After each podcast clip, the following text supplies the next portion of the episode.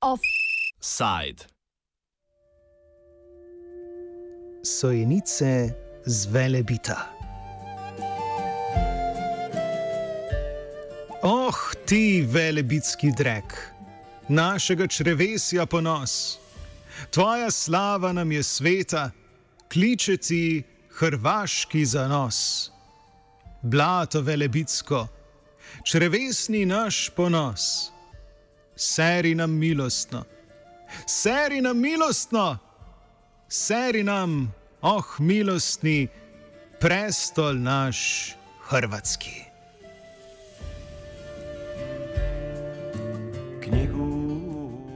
Policija konstantno laže. Hrvaški organi pregona so zaradi dveh čivkov na socialnem omrežju Twitter ukrepali proti novinarju portala Index HR in LGBT aktivistu Gordonu Duhačeku. Ta je namreč lani ob komentarju policijskega nasilja nad zaposlenimi v okrepčevalnici v Zadru zapisal zelo glasno kratico ACAB, ki v prevodu pomeni: Vsi policaji so prasci. Poleg tega je pred nekaj tedni v luči težav hrvaškega turizma s fekalijami preuredil priljubljeno hrvaško domoljubno popevko Vilo Velebita v prej deklamirano pesem z naslovom Govna Velebita. Da su me braća izdala Policija je postopek sprožila na podlagi kazanskega zakonika, saj naj bi Duhaček s prvim čivkom užalil pripadnike hrvaške policije, z drugim pa užalil nacionalna čustva državljanov Hrvaške. Seveda to ni dovolj velik razlog za aretacijo. Policisti so ga pred odhodom na seminar v Leipzig privedli z letališča, kjer naj se ne bi odza, odzival na pozive, da se zglasi na policijski postaji. Tako je vsaj v prvi izjavi za javnost trdil ministr za notranje zadeve Davor Božinovič. Obtožnico in postopek aretacije predstavi podpredsednica Hrvaškega novinarskega društva Danka Derify. Prema svim informacijama kojima mi raspolažemo, on je zapravo um, priveden zbog, ne, tako tvrdi policija, neodazivanja na poziv na ročište. Međutim, on je znajući da ide na put u trenutku kad se ročište trebalo održati, dan prije se javio policiji da im kaže da to nije u stanju, odnosno da neće biti u Zagrebu. Ročište se trebalo održati vezano uz njegove dvije objave, odnosno dva tvita na Twitteru vezano uz uh, komentar koje su posljedice koment, komentar recimo na dvije situacije. Dakle, prva sporna je uh, ACAB, jel, All Cubs are Bastards, um, gdje je on to napisao nakon grubog postupanja policije a, prema radnicima jednog fast fooda u Zadru prije gotovo godinu dana i drugi tweet koji je novijeg datuma gdje je zapravo a, isto tako ponukan zagađenjem na plitvicama i izljevanjem fekalija u Jadranu a, napisao jednu satiričnu verziju pjesme Vila Velebita.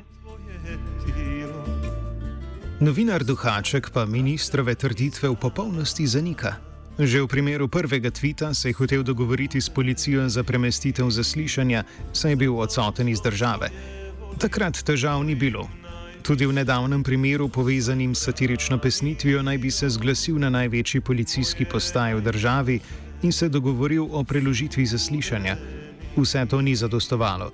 Tik pred podhodom na konferenco v Nemčiji ga je aretirala policija, pri pridržanju naj bi sodelovala tudi enota za boj proti organiziranemu kriminalu. Kada sam sada krenuo na put, jer sam iz Zagreba trebao letiti za Njemačku, na granici Hrvatskoj su me policija zaustavila i dala mi je kao dva prekršajna ta uh, poziva. Ja sam odmah sutradan, znači u subotu sam bio na granici, u nedelju sam bio u najvećoj policijskoj stanici u Zagrebu, u Heinzlovoj ulici, tamo razgovarao s policajcem koji je bio dežurni, objasnio mu cijelu situaciju, on je rekao da nema nikakvih problema da ja sutra jutro letim za Njemačku i ovaj, da je on sve zapisao podatke, da će on to proslijediti svojim nadležnima, da se ja samo trebam javiti uh, u policiji kada sletim u Njemačku da dogovorim sa nadležnom inspektoricom točan termin ono kada bih došao na razgovor.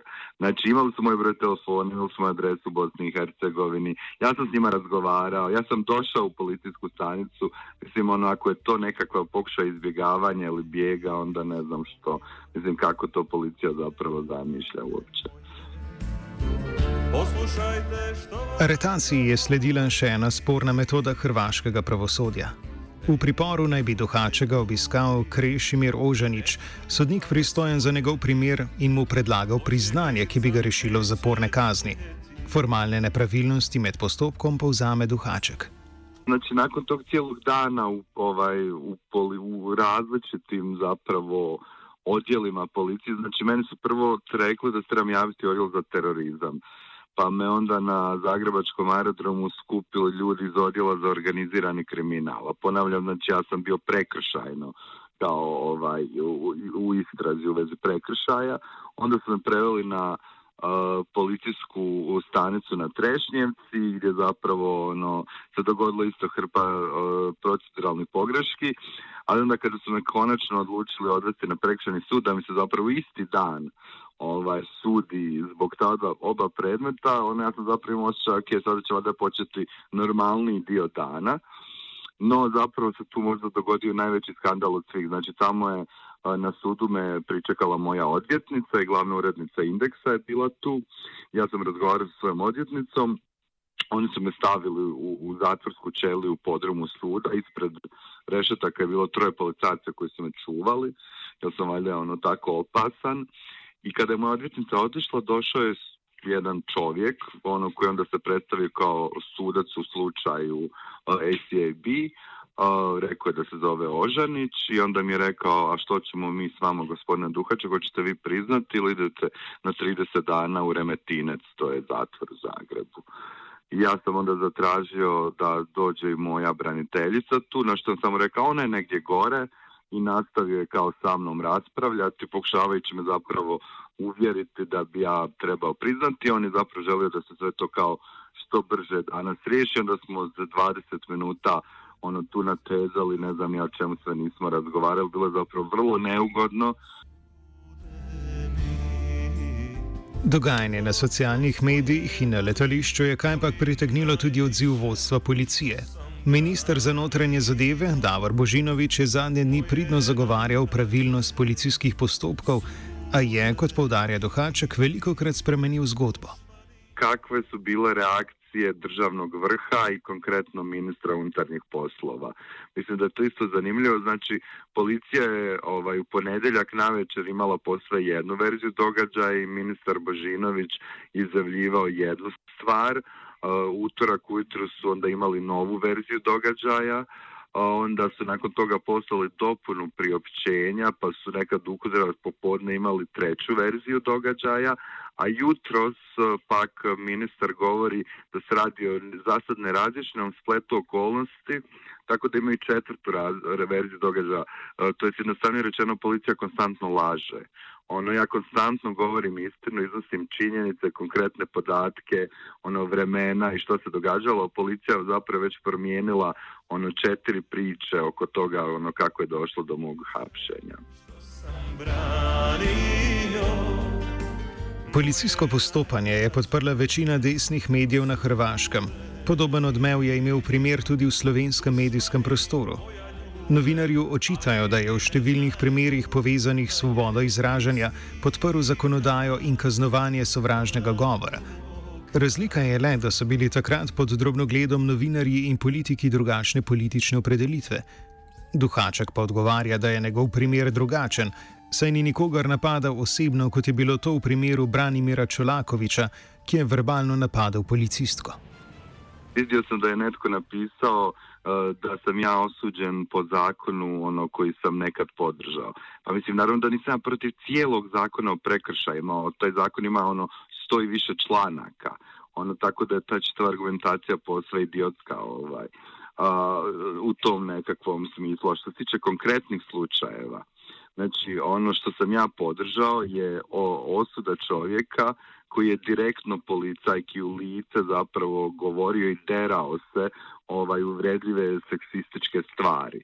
O, da sam ja došao pred policajca na ulici, počeo mu se u lice derati, svi vi policajci ste gadovi, ja onda ne bih se sigurno ovaj, žalio zbog toga što bi onda zbog toga bio optužen, to bi bilo logično, im se naravno sud onda mogao braniti ovako ili onako. Ali posve druga situacija, znači kada vi ono nekoga direktno susretnete, kada se nekoga direktno derete i vrijeđate ga. Druga stvar, kada komentirate na Twitteru nešto, znači ja nisam se obratio direktno niti jednom policajcu. Obtoženega novinarja je po drugi strani podprlo Hrvaško novinarsko društvo, saj obsojajo postopanje državnih organov na način, da ogrožajo svobodo govora. Odnos društva do obtožbe satiričnih tvitev povzame Danka Derify.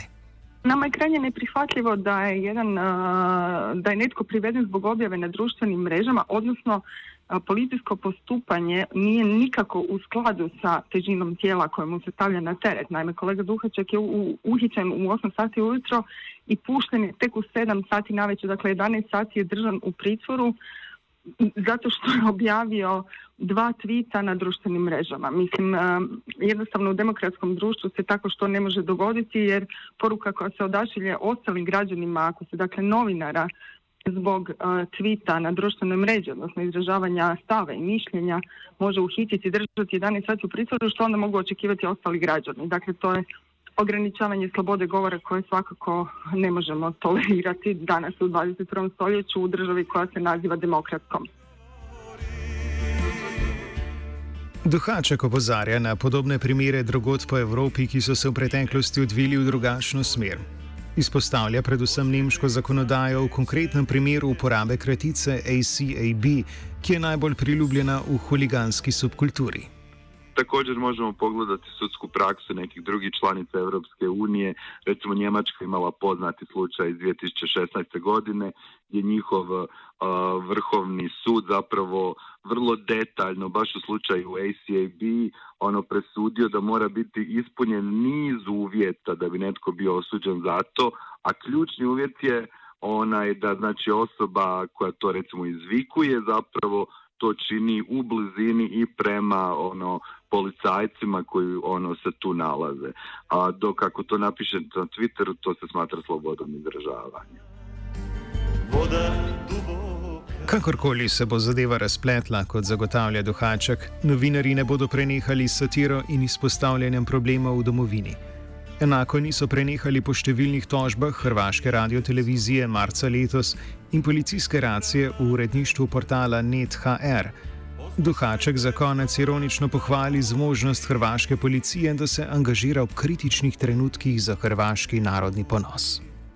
Fascinantno je da je policija istovremeno uspjela doista biti na neki način efikasna u mom slučaju, barem u tome ono da me spriječa da na seminar u Leipzig i ovaj, da ono angažiraju odjele za terorizam, organizirani kriminal i kroz taj cijeli dan ono otprilike 15 policajaca da ono se bave sa mnom.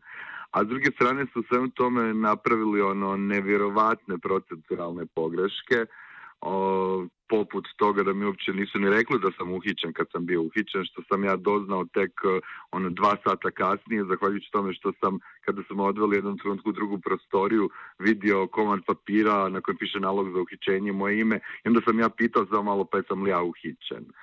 O, niti su mi dali recimo da razgovaram u policiji sa odvjetnikom što sam dva potražio uz objašnjenje da mogu to pitati na sudu. Tako da ono, policija s jedne strane bila efikasna, s druge strane napravila prosto nevjerovatan skup ono baš početničkih paterskih grešaka gdje se ono totalno diskreditirala uh, mislim ne znam ono kako da kažem da su doista ono htjeli neki način ono da bi se efikasnije osvete ili ono da nekako naprave primjer od mene onda su barem trebali poštivati osnovne procedure tako da ne mogu reći da su me ono na kraju uspjeli nekako pokolebati ovaj, jer očito da su to ljudi koji zapravo nisu u stanju dobro obavljati svoj posao.